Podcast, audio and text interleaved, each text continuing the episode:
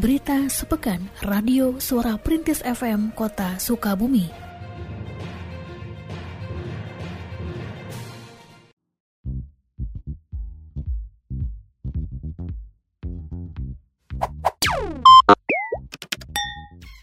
Memperkuat perekonomian umat, bagian Kesra Setda Kota Sukabumi menyelenggarakan pelatihan kewirausahaan bagi pondok pesantren sekota Sukabumi pada hari Senin 1 November 2021 di Hotel Balkoni. Pelatihan yang dibuka oleh Wali Kota, Ahmad Fahmi, diikuti oleh 50 orang perwakilan pengelola pondok pesantren. Kepala Bagian Kesra Setda Kota Sukabumi, Aang Zainuddin, mengungkapkan pelatihan ini merupakan bagian dari program kerja bagian Kesra dalam rangka pengembangan lembaga ekonomi berbasis syariah.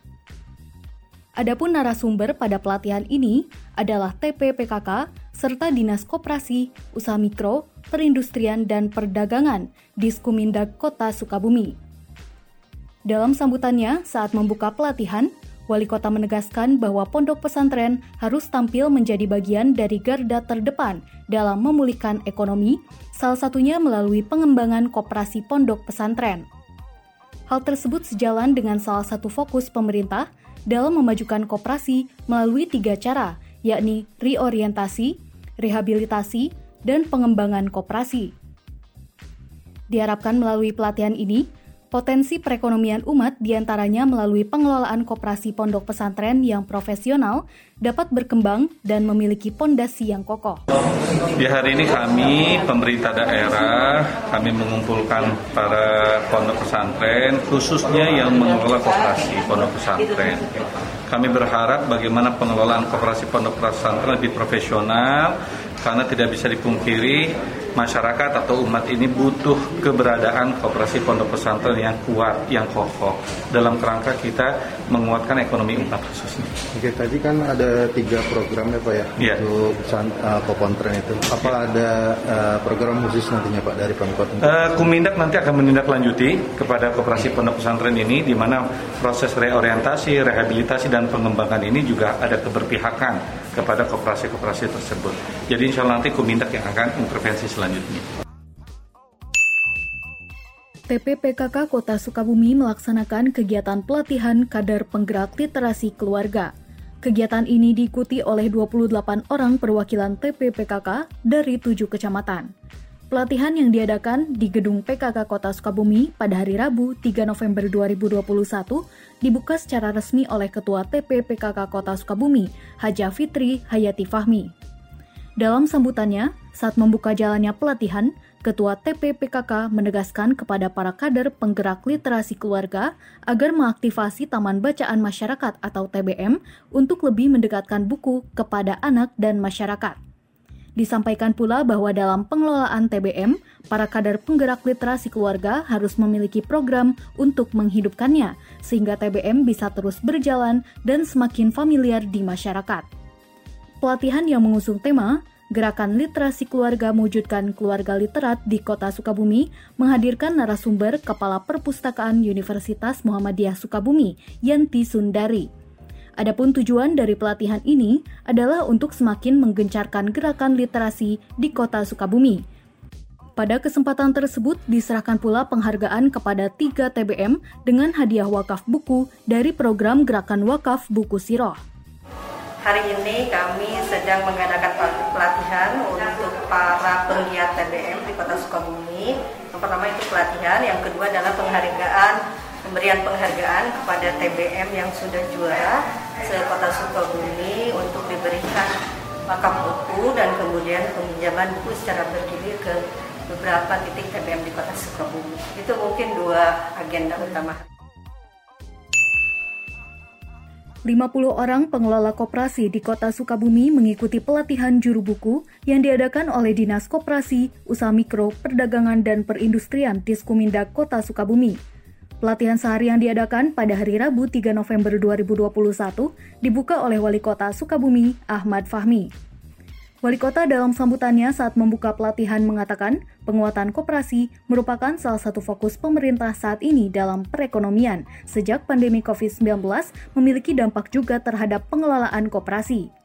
Dalam upaya memulihkan koperasi, pemerintah melalui dinas terkait terus memperkuat koperasi agar mampu melakukan rehabilitasi, reorientasi, dan regenerasi dalam pengelolaan koperasi. Ya pertama kita ingin koperasi sebagaimana yang diamanatkan oleh pemerintah pusat ini menjadi koperasi-koperasi yang sehat. Ya sehingga kita harus terus meningkatkan kompetensi para pengurus koperasi sehingga harapan ujungnya koperasi ini menjadi koperasi yang memang layak dan sehat. Selain pelatihan juru buku, kita juga melakukan berbagai macam pelatihan yang lainnya dan serta pengawasan terkait e, keberadaan koperasi-koperasi tersebut sehingga koperasi ini e, di tengah-tengah masyarakat memang e, mereka mampu menjadi solusi yang terbaik. Sementara itu, Kepala Diskuminda Kota Sukabumi, Ai Jamiat, menjelaskan bahwa sebagai salah satu upaya dalam penguatan dan pemulihan koperasi, pemerintah pusat melalui Kementerian Koperasi dan UKM menyediakan permodalan melalui LPDB atau Lembaga Pengelola Dana Bantuan. Selain itu, sumber daya manusia atau SDM pengelola koperasi pun terus ditingkatkan kapasitasnya seperti melalui pelatihan yang diadakan oleh Diskuminda Kota Sukabumi. Uh, pada hari ini kita melaksanakan kegiatan uh, pelatihan kepada 50 koperasi ya 30 koperasi yang sudah aktif dan 20 yang sedang melaksanakan prakoperasi yang akan membentuk koperasi. Uh, harapannya kita pada hari ini adalah melaksanakan kegiatan juru buku ya karena memang di koperasi ini kelihatannya buku-buku koperasi itu ada 16 buku ya yang harus uh, mereka kuasai dan harus dilaksanakan oleh mereka. Pada hari ini kita akan kenalkan aplikasi dari 16 buku koperasi tersebut. Jadi uh, harapannya memang uh, tujuan akhirnya agar koperasi-koperasi yang ada di Kota Sukabumi ini kualitas SDM ya dan manajer manajerialnya ini bisa uh, meningkat ya. Jadi harapannya seperti itu. Jadi kami akan terus melaksanakan uh, pembinaan-pembinaan kepada koperasi baik manajer maupun juru buku yang akan dilaksanakan baik dari APBD kota maupun dari uh, di akan uh, fisik kementerian ya. Berdasarkan data dashboard Kementerian Kesehatan per 1 November 2021, pencapaian vaksinasi COVID-19 dosis pertama di kota Sukabumi menempati peringkat ketiga daerah dengan capaian vaksinasi tertinggi di Jawa Barat. Kepala Bidang Pencegahan dan Pengendalian Penyakit Dinas Kesehatan Kota Sukabumi Dr. Lulis Delawati mengatakan, capaian vaksinasi COVID-19 untuk dosis pertama saat ini sudah mencapai 87,35 persen dari target sasaran sejumlah 269.834 orang. Sementara Wali Kota Sukabumi Ahmad Fahmi saat dijumpai pada hari Rabu 3 November 2021 mengatakan pencapaian tersebut dipengaruhi oleh strategi baru pelaksanaan vaksinasi COVID-19 yakni menggelar vaksinasi di lingkungan masyarakat dengan target warga per wilayah RW. Berdasarkan data dari Kementerian Kesehatan, kita melihat di dashboard Kementerian Kesehatan, Kota Sukabumi mendapatkan peringkat ketiga di Jawa Barat percepatan vaksinasi. Ini di antaranya terjadi karena kita melakukan vaksinasi berbasiskan kewilayahan. Jadi vaksinasi berbasiskan kewilayahan ini akan terus kita lakukan sehingga pencapaian harapan kita dosis 1, dosis 2 ini linear nanti ya. Pak, Bapak terkait kepada warga untuk meningkatkan kembali vaksinasi gimana? Ya warga masyarakat yang belum melaksanakan vaksinasi, saya harap semuanya melaksanakan vaksinasi ini dalam kerangka percepatan kita memutus mata rantai penyebaran COVID-19 ini. Vaksinasinya berapa persen lagi Pak? Kita lansia yang masih agak tinggi, yang belum tervaksinasi, ada sekitar 40 persenan yang belum tervaksinasi untuk lansia, dan ini menjadi target utama kita. Upayanya Pak? Ya tadi jemput bola, eh, jemput bola itu door to door kita lakukan. Oke. Okay. Memperingati Gerakan Nasional Membaca, Dinas Perpustakaan dan Kearsipan Daerah Dispusipda Kota Sukabumi mengadakan kegiatan lomba literasi tingkat Kota Sukabumi yang dimulai sejak tanggal 1 hingga 15 November 2021 dengan target peserta para siswa dan guru sekolah. Adapun lomba tersebut terdiri dari lomba storytelling untuk kategori PAUD, review cerita untuk kategori SD, kemudian lomba membuat video untuk kategori SMP dan lomba review buku untuk kategori guru. Pada berbagai lomba tersebut, juara 1 hingga 3 dan juara harapan 1 akan mendapatkan hadiah di antaranya berupa uang pembinaan. Kepala Bidang Perpustakaan, Dudi Wahyudi saat ditemui pada hari Kamis 4 November 2021 mengatakan, Tujuan diadakannya kegiatan ini adalah untuk mengisi peringatan Gerakan Nasional Membaca sebagai bentuk sosialisasi dan publikasi dalam meningkatkan kegemaran membaca bagi masyarakat Kota Sukabumi, terutama di kalangan pelajar dan guru. Tujuan kita dalam melaksanakan uh, lomba ini, yang pertama adalah ini adalah salah satu uh, agenda yang sudah kita rencanakan ya. Jadi jadi memang ini sifatnya berkelanjutan dari setiap tahun walaupun memang jenis lomba selalu ber, berubah-ubah sesuai dengan kondisi dan yang sudah diprogramkan. Yang kedua ini adalah dalam rangka e, mengisi e, gerakan nasional membaca gitu ya.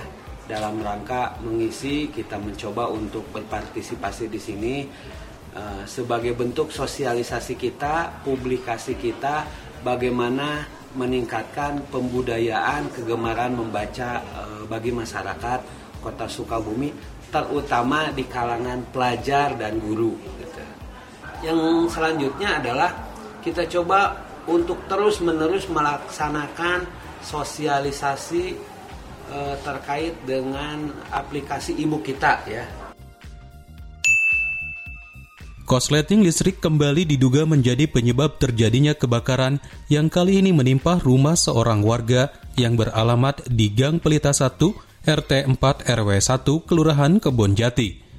Kepala Bidang Damkar dan Penyelamatan Dinas Satpol PP dan Damkar Kota Sukabumi, Sudrajat, dalam keterangan persnya menjelaskan, kebakaran yang terjadi pada hari Jumat 5 November 2021 dapat dipadamkan sekitar pukul 10.45 WIB dengan menurunkan 5 unit mobil pemadam kebakaran. Kebakaran tersebut melahap area seluas 6 kali 6 meter dan diduga akibat percikan api di atap yang disebabkan oleh korsleting listrik. Kejadian kebakaran tersebut tidak menimbulkan korban jiwa, sedangkan kerugian material ditaksir sekitar 50 juta rupiah. Seperti telah diberitakan sebelumnya, korsleting listrik menjadi salah satu penyebab kebakaran terbanyak di kota Sukabumi selain faktor kelalaian manusia. Komisi Informasi KI Provinsi Jawa Barat mengunjungi pemerintah kota Sukabumi pada hari Jumat 5 November 2021 untuk melakukan monitoring dan evaluasi penerapan Undang-Undang Nomor 14 Tahun 2008 mengenai keterbukaan informasi publik. Kedatangan Komisi Informasi tersebut diterima oleh Wali Kota Sukabumi Ahmad Fahmi, Wakil Wali Kota Andri Setiawan Halmi, Sekretaris Daerah Dida Sembada, dan Kepala Dinas Komunikasi dan Informatika Dinas Kominfo Yadi Mulyadi, beserta jajaran selaku pengelola informasi publik, serta para pejabat pengelola informasi dan dokumentasi PPID dari beberapa perangkat daerah pada pemerintah kota Sukabumi. Dalam acara penyambutan yang dilaksanakan di Balai Kota, Wali Kota menjelaskan beberapa indikator keterbukaan informasi publik yang telah diterapkan salah satunya dalam penanganan pandemi COVID-19 dengan layanan data penerima bantuan sosial yang ditayangkan pada website covid19.sukabumikota.go.id. Sementara itu, Asisten Bidang Advokasi Sosialisasi Edukasi Komisi Informasi Jawa Barat, Dimas Prawira menuturkan, bahwa kedatangan mereka adalah untuk melakukan evaluasi lapangan terkait data dan laporan mengenai penerapan keterbukaan informasi publik yang sebelumnya telah dikirimkan oleh Dinas Kominfo Kota Sukabumi. Dijelaskannya, dari hasil evaluasi laporan yang diterima, Indeks Keterbukaan Informasi Publik tahun 2021 pada pemerintah Kota Sukabumi meningkat signifikan pada angka 68,70 persen dari tahun 2020 yang hanya berkisar di angka 48 persen. Pada evaluasi lapangan yang melibatkan tim independen dari Komisi Informasi Jawa Barat, dilakukan penilaian ke Dinas Pendidikan dan Kebudayaan Kota Sukabumi, setelah sebelumnya dilakukan penilaian di Dinas Kominfo. Adapun indikator penilaian di antaranya meliputi komitmen pimpinan daerah, standar pelayanan publik, serta ketersediaan informasi sesuai dengan kategori yang telah ditentukan. apa namanya dari tahun tiga tahun ini dari 2019, 2020, 2021 apalagi peningkatannya cukup pesat. Sa dari kami juga sebenarnya kaget juga ya peningkatan pesat ini, tapi saya saya yakin bahwa karena memang ini dengan didukungnya oleh uh, pimpinan langsung oleh Pak Wali Kota dengan komitmen Pak Wali Kota terkait apa namanya uh, terkait keterbukaan informasi publik ini uh, tinggi yang pengen uh, pemerintah Kota Sukabumi yang transparan, partisipatif dan akuntabel, makanya uh, apa namanya mungkin pemerintah Kota Sukabumi berbenah juga banyak peningkatan yang kami lihat juga terkait penerapan keterbukaan informasi publik sesuai undang-undang. Gitu. Indikatornya itu berdasarkan Undang-Undang Nomor 14 eh, tahun 2008 tentang keterbukaan informasi publik. Pemerintah Kota Sukabumi melalui Dinas Komunikasi dan Informatika Kota Sukabumi kembali mengikuti penjurian Top Digital Awards yang diselenggarakan oleh It Works Magazine.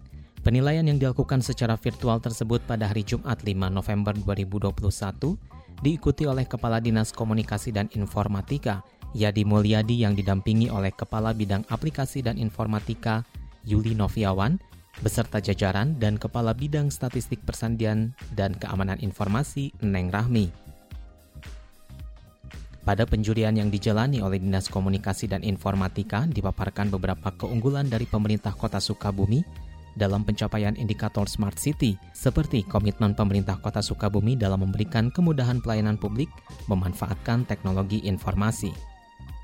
Sebelumnya pada tahun 2020, pemerintah Kota Sukabumi pada ajang yang sama mendapatkan dua penghargaan yakni Top Digital Implementations on City Government Level Stars 4 dan Top Leader on Digital Implementation yang dianugerahkan kepada Wali Kota Sukabumi Ahmad Fahmi.